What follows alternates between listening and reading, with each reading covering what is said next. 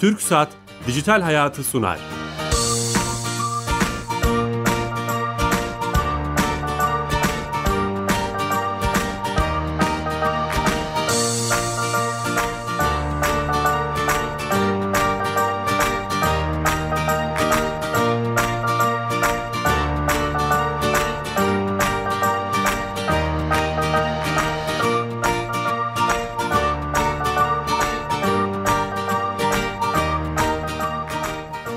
Dijital Hayat'a hoş geldiniz. Her cuma saat 15.30'da TRT Radyo 1 mikrofonlarında teknoloji, internet ve sosyal medyanın hayatımızı etkilerini konuşmaya devam ediyoruz. Konuşmaya bundan sonra da devam edeceğiz. Ee, bu hafta çok gündemde olan belki manşetlerde, internette, e, eş dost konuşmalarında, çeşitli organizasyonlarda ismini duyduğumuz Nesne'nin interneti kavramını konuşacağız. E, bu kavram ne demek? E, bütün cihazların internete bağlanıp hayatımızı nasıl kolaylaştırdığı örnekleriyle konuşacağız. Bunu da e, çok uzman bir konukla konuşacağız. Hem yaptığı iş e, hasebiyle hem de bulunduğu kurum hasebiyle bu işlerde çalışan Cisco'nun Türkiye Genel Müdürü Cenk Kıvılcım'la konuşacağız. Cenk Bey hoş geldiniz. Hoş bulduk, teşekkürler. Nasılsınız? Sağ olun, çok iyiyim. Siz nasılsınız? Sağ olun, teşekkürler. Bu konuyu herhalde dünyada konuşabileceğimiz birkaç şirketten biri Cisco. Bu konularda yatırım Doğrudur. yapan bir şirket. Ee, hem sizin kişisel deneyimlerinizi bu konuda hem de kurumsal deneyimlerimizi konuşacağız. Çünkü bu konuda çok e, kullanıyoruz bu kavramı ama ya hayatımızda nasıl etkisi var bu nesnenin interneti denen şeyin işte e, buzdolabında bozulan yoğurdun bize haber verilmesi veya bir e, aracın işe geç kaldın demesi gibi birçok şeyden bahsediliyor. Bu konuyu konuşacağız ama öncesinde sponsorumuz TürkSat'ın TürkSat'a bağlanıyoruz Ankara'ya. Biliyorsunuz onlar Türkiye Gov.tr'yi işleten e, bir kamu kurumu, Türkiye'nin e-dönüşüm şirketi e, aynı zamanda. Oradan bir arkadaşımıza bağlanıyoruz ve bize E-Devlet'in e, her hafta bir servisini bize anlatıyor hayatımızı kolaylaştıran. Bizim de değerli bir müşterimiz bu sırada. Evet, siz beraber Kendilerine de selamlarımızı iletin sanırım lütfen. çok iş yapıyorsunuz. E, şimdi hatta sanırım e, Tuğan Bey. Tuğan Bey Ha, merhabalar Bilal Bey. nasılsınız?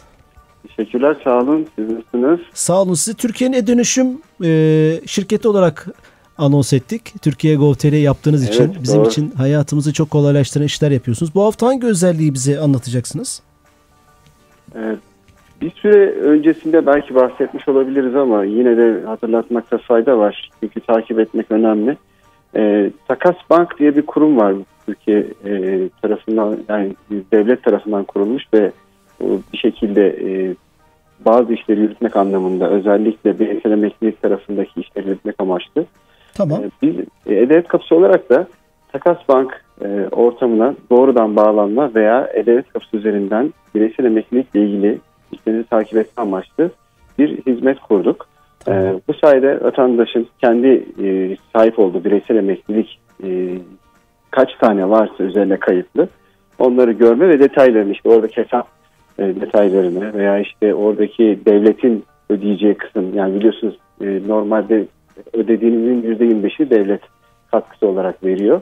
Oradaki bütün katkıyı e, şeffaf bir şekilde görme şansınız var ve buna da sadece E-Devlet kapısı üzerinden girerek herhangi bir şifreyle girmenize gerek kalmadan gerek Takas Bank'ın sitesinden gerekse E-Devlet kapısından görmeniz mümkün. Hı hı hı. Yani bu bu şu an kullanılabilir bir e, durumda Tabii ki, hizmete tabii ki doğru. Ee, buradaki hedef şuydu, ee, az önce yani defalarca söylüyoruz aslında burada konuştuk. Tek bir şifreyle bütün kamu kurumlarının verdiği hizmetlere ulaşabilmek. Çok güzel. Bireysel emeklilik de önemli bir yer, merkezi bir yerden yönetiliyor. Hangi firmadan yaptırırsanız yaptırın. Tek bir noktada sizin hareketleriniz kontrol ediliyor ve e, tutuluyor. Dolayısıyla E-Devlet kapısı üzerinden de Takas Bank üzerinden tek bir noktadan sizin e, bireysel emeklilik e, akışınızı ya da işte geçmişinizi görme şansınız var. Süper. Ee, Cenk Bey'in de size selamı var. Ee, Ben de çok selam. E, aleyküm selam söylerim. E, tüm ekibe selamlar. Haftaya görüşmek üzere. Görüşmek üzere. Kolay gelsin. Kolay gelsin. Sağ olun. Sağ olun. Evet TürkSat'a da bağlandık. E, devletle alakalı hizmeti, Takas Bank hizmetini öğrenmiş olduk. Şimdi hemen hızlıca konuya gireyim Tabii istiyorum. Sizin deneyimleriniz, deneyimlerimizden faydalanalım istiyoruz. Birçok e, bu konuda tecrübeniz var. Nedir bu nesnenin interneti? Öncelikle biliyorum biraz evvel de sizinle konuştuk. Genç arkadaşlar bazen korkuyorlar diyorsunuz ya bu e, Nesne'nin internete gelecek insanları ne olacak diye. Hiç öyle düşünmesinler. Çünkü Nesne'nin interneti kavramı aslında çok basit bir kavram. E, bugüne kadar e, bizlerle ilgili olsun, yaptığımız işlerle ilgili olsun bu bilgiyi bilen fakat bir türlü bunu bize aktaramayan cihazlar, nesneler, e, eşyalar düşünün. Yani şimdi siz mesela şurada oturuyorsunuz değil mi? Bu koltuk yıllardır oturduğumuz bir koltuk. Hiç Evet. bugüne kadar bu koltuktan bir bilgi alamıyorduk. Oysa bu, bu koltuk birçok şey biliyor sizinle ilgili olaraktan. Şimdi Bilal Bey siz hep burada oturuyorsunuz. Bu koltuk neyinizi biliyor? Öyle sorayım size.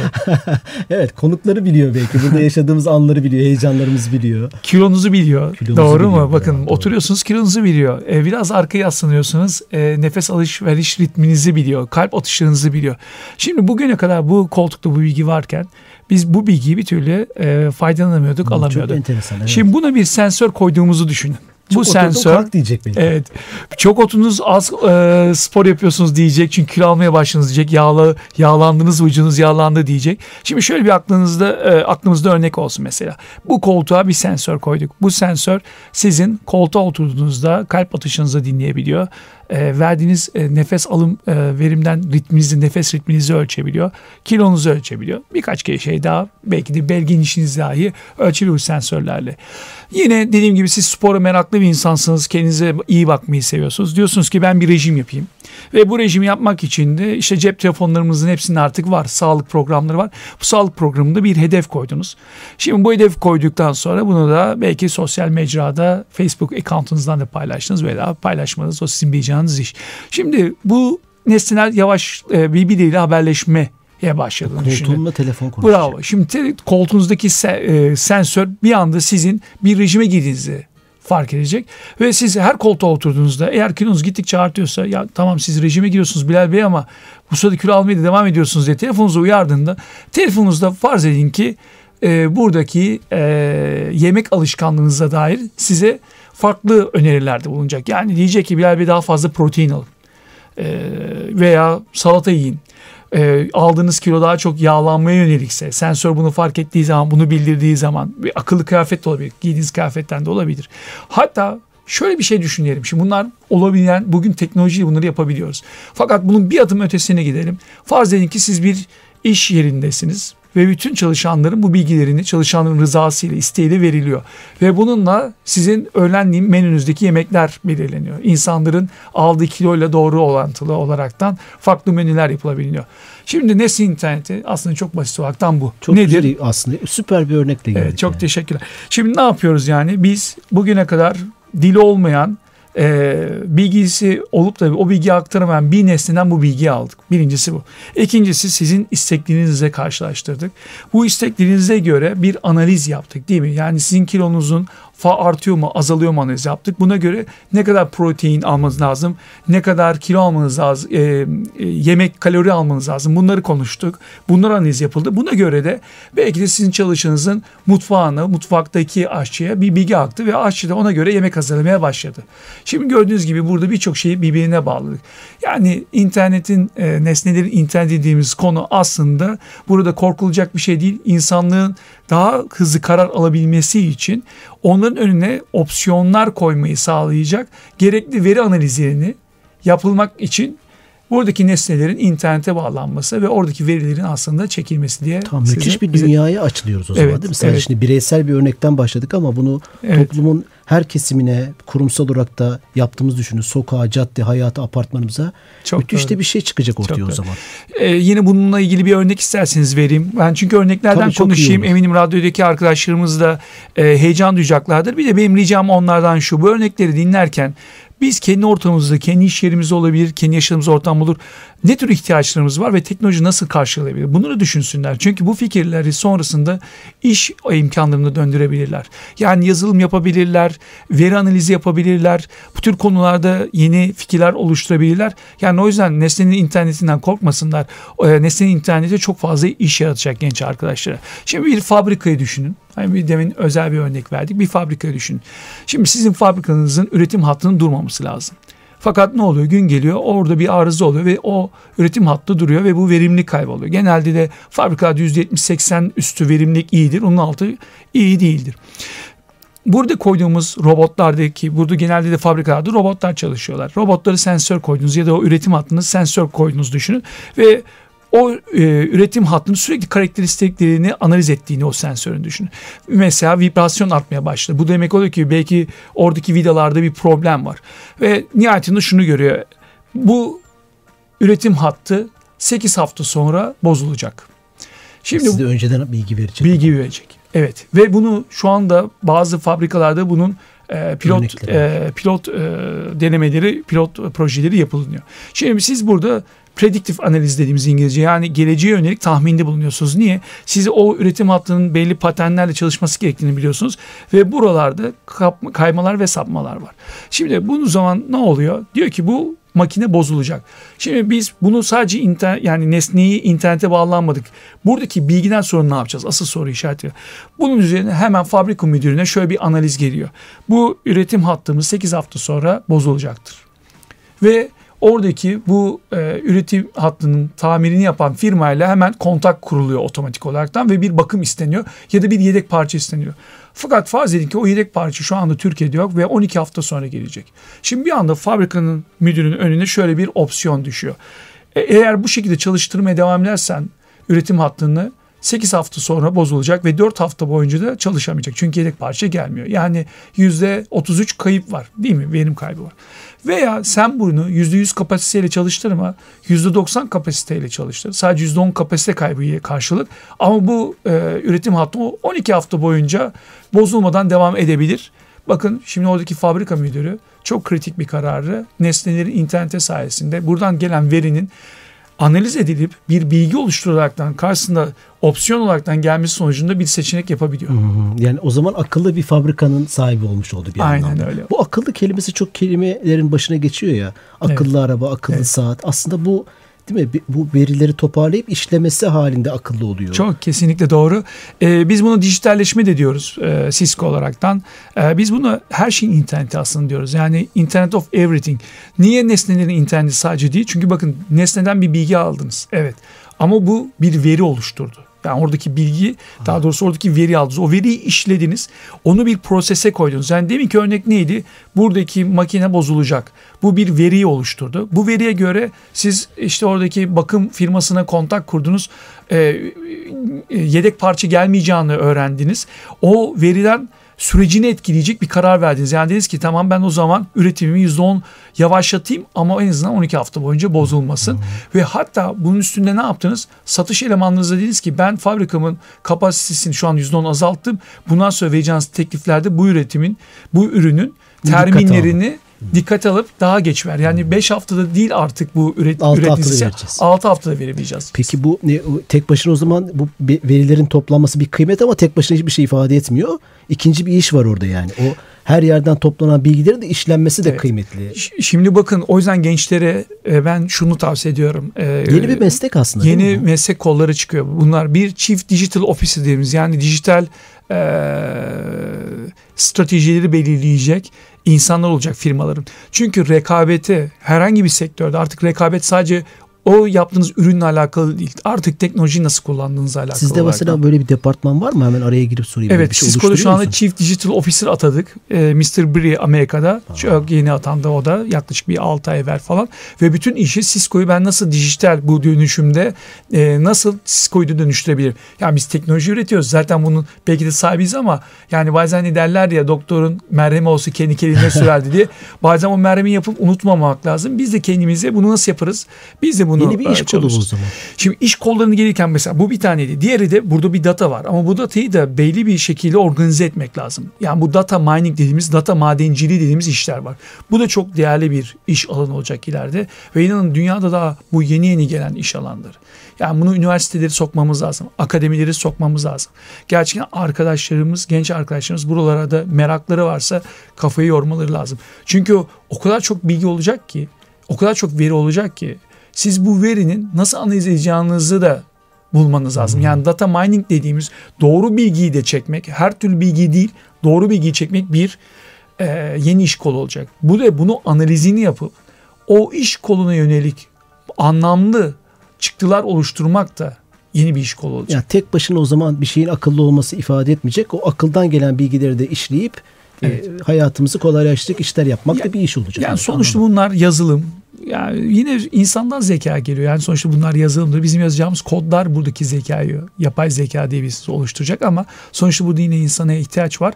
Ee, yani e, geçen sene dünyada bu işe kafa yormaya başlayan e, araştırma ve geliştirme anlamında tam 300 bin tane e, yeni eleman katıldı. Daha doğrusu eleman katıldı. Bir sene evvel 170 bindi. 2013 yılında özür diliyorum tam vereyim şeyleri. 2013 yılında dünyada 170 bin kişi bu nesnenin interneti ARGE taraflarında çalışırken bugün e, 2014 yılında e, 300 bin oldu. Yani neredeyse yüzde 40-45 bir artış yaşandı. Yine e, eğer şeye bakarsanız yapılan yatırımlara bakarsanız yani milyarlarca dolar para bu alana akmaya başladı. E, Tabii büyük şey firmalar ortaya önemli. çıkmaya başladı. Sadece e, her alanda mesela şehirler değil mi? Akıllı şehirler. Bu konuda çalışan insanlar, tarım sektörü, Evet. birçok sektörde bunlar bu dediğiniz e, nesne interneti kullanılabilir o Şimdi anda. bakın hemen buradan örneklerle gidelim Tamam, arkadaşlar süper. ne demek istediğimizi çok iyi anlasınlar. Mesela tarım dedik. Ee, çok basit bir örnek daha vereyim size. Ee, mesela İstanbul'dan örnek vereyim. İstanbul'da çok güzel bir değil mi yollarda yeşillendirme çalışmaları var. Çiçekler konuluyor, ağaçlar konuluyor. Ben gerçekten çok takdir ediyorum. Ee, ve bunların otomatik sulama sistemleri konuluyor. Yani hangimiz görmemişizdir ki ben çok gördüm. Otomatik sulama sistemi bir yağmurdan sonra çalışıp e, sokaklara o suları akmasına evet, sebep olsun. Evet. Şimdi e, iki tane şey yapılabilir çok basit. Birincisi bu toprağın içine bir sensör koyuyorsunuz. Bir kere toprak kuru olduğunda Çalışsın. e, çalışsın. Böylece o su boşa gitmesin. Ama ikinci bir zekayı daha oraya koyabiliriz. O da nedir? Meteorolojiyle de bu sistem Konuşur. kontak kursun. Bir saat sonra yağmur yağacaksa tamam toprak kuru ama sulamanın anlamı var mı? Yok. İşte bu da yapılabilen bir çözümlerden bir tanesi. Bu şekilde hemen hemen su anlamında %50 şehirlerde e, su kaybını engelleyebiliyoruz. Verimliliği kazandırabiliyoruz. Trafik dedik. Hemen trafikten de bahsedeyim. İki tane de onunla ilgili ilginç bir örneğim var. E, bu Barcelona'da yapıldığı için örnekler gerçekten hayatta olan örneklerdir. E, hemen de aklınıza İstanbul'da bir iki yer gelebilir. Farz edin siz İstanbul'da en çok trafik problemi, pardon park bu, yeri bulma problemi yaşadığınız iki tane bana cadde söyleyebilir misiniz? Taksim Nişantaşı mesela. Mesela Nispetiye değil mi oralar? Nispeti. Veya Bağdat Caddesi Bağdat. Anadolu tarafında oturan. Şimdi buraya gelen arkadaşlar yani e, şoför arkadaşlar yaklaşık olaraktan e, en azından Barcelona'daki figürü vereyim, e, rakamı vereyim. E, Yüzde oradaki trafiğin yüzde otuzu aslında orada park yeri bulmak için giren ve bir türlü çıkamayan ve etrafta dolaşan araçlar. Şimdi yine e, bu parkometreleri e, akıllı parkometre yapıyoruz. Siz bunu cep telefonunuza uygu koyduğunuz bir e, aplikasyonla siz Bağdat Caddesi'nde size en yakın ya da gideceğiniz yere en yakın yerdeki bir e, park alanında yerinizi rezerv ediyorsunuz. Bu kamerayla da kontrol ediyor. Böylece sizin yerinize başkası girmiyor. Siz diyorsunuz ki ben 15 dakika sonra buraya geleceğim ve 2 saat boyunca burada duracağım ya durduğunuz süre boyunca. Orayı sizi rezerv ediyor. Sizin kredi kartınızdan ya da mobil ödeme sistemine otomatik çekiyor. Siz geliyorsunuz oraya park ediyorsunuz. İspark'a duyurulur buradan. Evet. Zaten çalışıyoruz da. Zaten bu tür Ha, pilot projemiz de var. Yani bunlar süper. gerçekten olabilecek örnekler. Bir ikincisi de hani Allah biliyor ya e, dün de aynısını söyledim bir başka e, aktivitede şu İstanbul'daki arabaların gaz ve e, fren pedallarının çektiğini dilleri olsa da aktarsalar. Evet artık dilleri olabilir. Oraya koyacağınız sensörlerle ne kadar çok frene basıyorsunuz, ne kadar çok gaza basıyorsunuz, arabayı ne kadar iyi kullanıyorsunuz bunları da artık öğrenebiliyoruz. Ve arabalarda bu bilgiler artık e, mevcut. Şimdi tabii e, bundan kaçış yok ne yazık ki. Hepimiz Aa, ben istemem desek de zamanla bunun avantajlarını görünce yapacağız. Şu anda sigorta şirketlerinin ilerideki düşündükleri nokta şu. Ben buradan e, sürücünün profilini alayım. Eğer arabasını sert kullanan, çok hızlanan, çok Ona frene basan yapacak. Bravo. Ona göre poliçe ayarlayacak ve ona göre size prim ödettirecek. Yani sizin eşiniz çok yavaş araba kullanıyor, çok temkini koruyor, koyuyorsa niye sizin kadar prim ödesin? Ve sürücü profillerini buradan çıkaracaklar. Yani dediğim gibi akıl hemen hemen her neslin içine girecek. Buradan çıkarılan veri ve datayı biz çok güzel bir şekilde analiz edip O kullanacağız. zaman bu nesnelerin interneti insanlık için olumlu bir şey olacak. Çevreye, zaman, mekan kullanımı, ortak paydaların, ortak şeylerin kullanımı anlamında faydalı işler getirecek yani insanlara. Doğru şekilde kullanıldığı zaman teknoloji her zaman için insanlığın faydasına Hani böyle bir tartışma var ya bu Davos'ta da tartışıldı işte Evet. dördüncü endüstri devrimi insanlığın Evet. acaba aleyhine kullanılabilir mi? Çok konuşuluyor ya Evet. bu bilgiler işte gizli istihbarat örgütleri kullanıyor bu bilgileri nerede toplanıyor gibi bir sürü tartışma Tabii. var verilerin güvenliği. Evet. Aslında güzel kullanıldığı zaman dediğiniz Doğru. gibi insanın yararına olacak bir şey. Ee, bilgilerin nerede toplandığı, siber security, güvenlik tabii bunlar çok önemli konular ve bunlara çok e, da biz de firma olaraktan da kafa yoruyoruz. E, güvenlik anlamında çok fazla firma yakınlarda da satın aldık. E, bu da çok önemli olacak. Çok doğru bir şeyin altını çekiyorsunuz, çiziyorsunuz. Mesela bugüne kadar neyiniz hackleniyordu? Bilgisayarınız. Bugün belki de ampulünüz hacklenecek. Çünkü ampulünüz internete bağlı olacak. Biri sizin ampulünüzü sürekli açıp kapatıp rahatsız edecek ve diyecek ki bana para vermezsen Öyle bir risk devam var edeceğiz. değil mi? Şimdi bu riskleri tabii e, önüne geçebilmek için de e, siber güvenlik dediğimiz önlemlerin alınması çok önemli olacak. E, fakat bunların hepsi e, hani bundan belki 50 sene evvel sorsaydınız insanlar internete girmeye korkuyordu.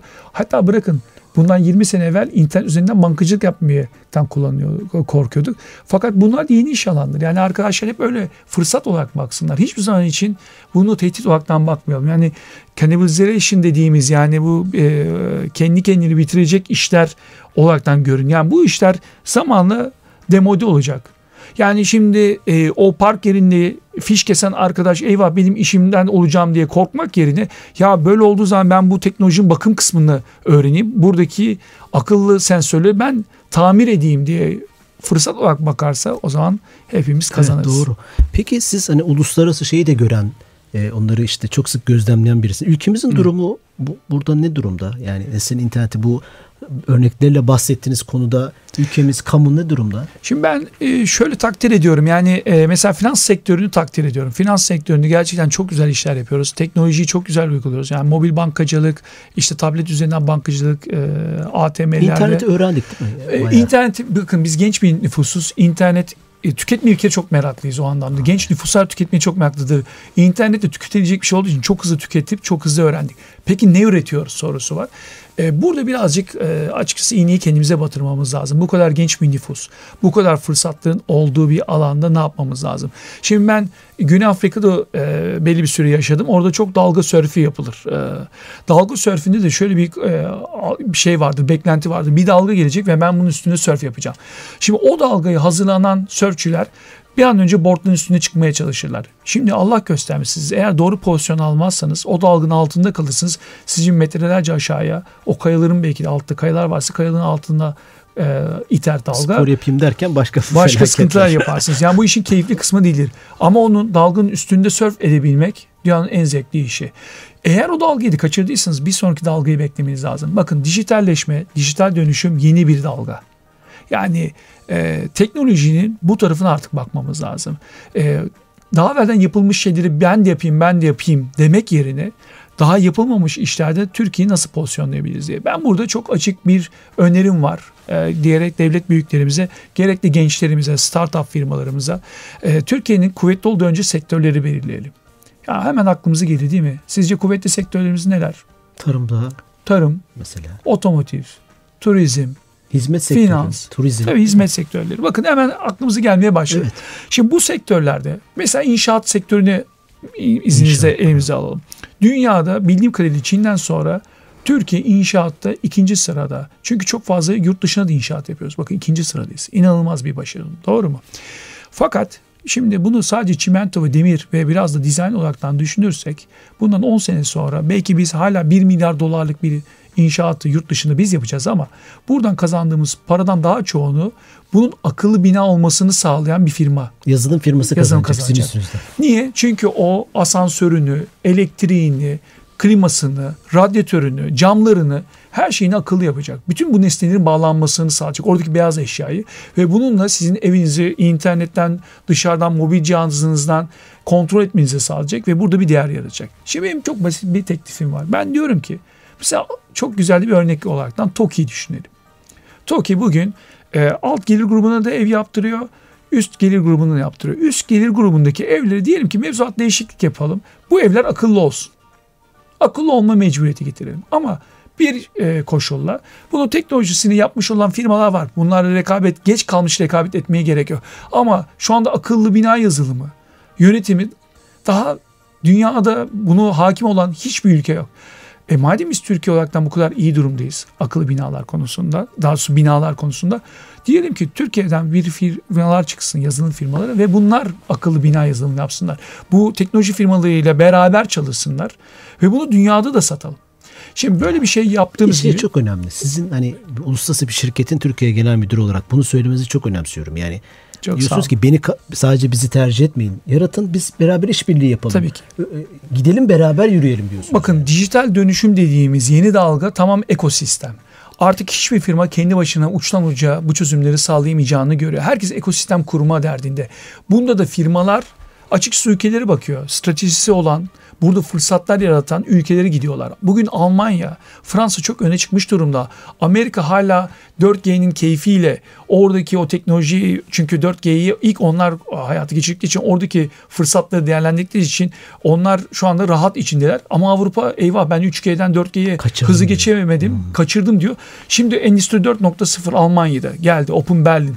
İşte Fransa Cumhurbaşkanı Başbakan seviyesine el sıkıştılar. Dediler ki biz nasıl e, O dijital dönüşüm yakalamak yapabiliriz? istiyorlar, Yakal- değil mi? Şimdi bizim bölgemizde yani tabii ki biz de bölgesel gücümüz kullanmamız lazım ama bölgemizde Katar'ı ben Birleşik Arap Emirlikleri tehlike olarak görüyorum. Demin ki teklifimi gelecek olursak yani sektörlerimizi belirleyelim. Önemli olan sektörlerde bu ileriki rekabete hazırlanalım. Çünkü yarın bir bakacaksınız belki de siz büyük inşaat e, projesini sizin o betonu, çimentoyu kullanma sebebinizden dolayı değil, akıllı kısmından dolayı kaybedeceksiniz başka bir firmaya. Şimdi burada rekabette geride kalmamak için bu stratejiyi kurmamız lazım. Yani benim naçizane sektörler üzerinde e, stratejiler yapalım, dijital dönüşümü. Bu bir e, ekip işidir. Bunu teknoloji firmalarından da birkaç firma da belki de dahil olacak bu tartışmalara. Startup firmaları da olacak, akademisyenler de olacak, bakanlıklar da olacak. Ama böyle çalışma grupları yapıp hep beraber çalışırsak gençlere de çok büyük fırsatlar çıkarırız. Yoksa naçizane bizim gibi büyük firmalar en nihayetinde eğer bir strateji, bir fırsat görmezse o olan ülkelere yatırım yapmayı Oraya tercih gidiyor ediyor. Kaçıyor. Ve o zaman da oradan biz teknolojiyi transfer eden ve adapte etmeye çalışan duruma e, e, düşüyoruz. Oysa bizim kuvvetli olduğumuz sektörlerde bu yeni stratejileri biz geliştirebilirsek ve geliştirebiliriz ben bunu canı gönülden inanıyorum. O zaman o teknolojiyi biz dünyaya satarız.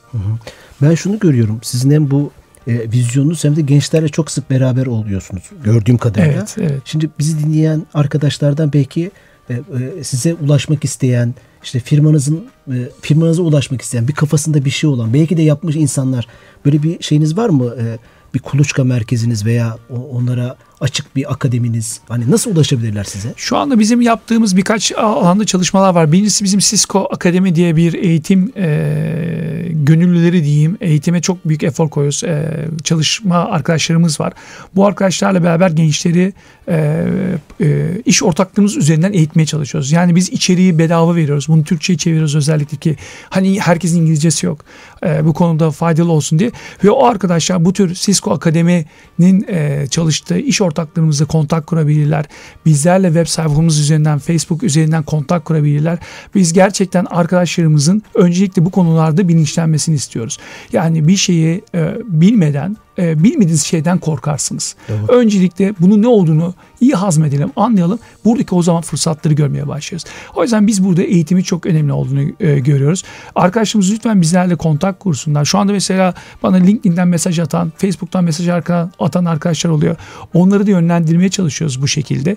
Öte taraftan bizim iş ortaklarımızla beraber yaptığımız çalışmalarımız var. Ben gerçekten seminerler oluşturuyoruz, e, toplantılar yapıyoruz. İşte Cisco Live'de her iki senede bir yaptığımız e, aktiviteler oluyor. Bunları da takip etsinler. Eğer akılında kalan bir sorular olursa bize e, sosyal medya üzerinden ulaşmaya çalışsınlar. İş ortaklarımıza ulaşmaya çalışsınlar.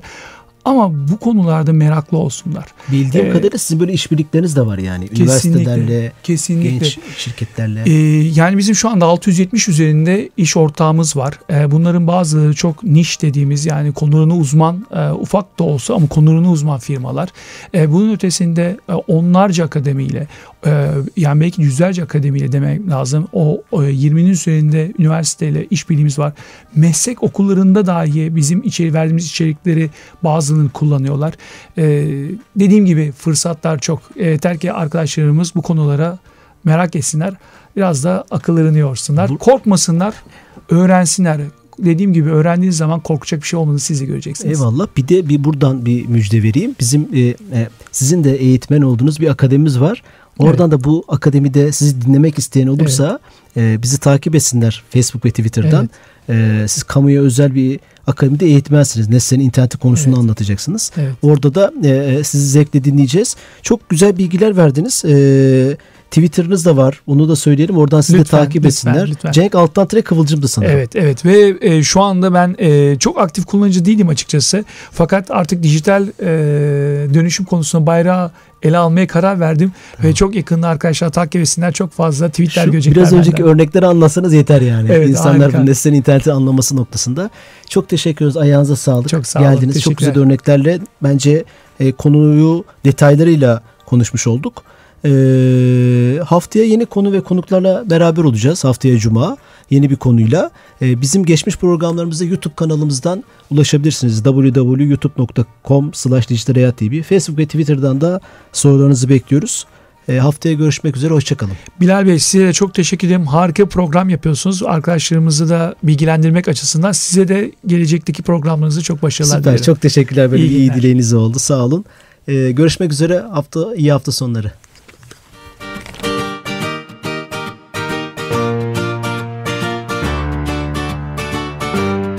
Türk Saat Dijital Hayatı sondu.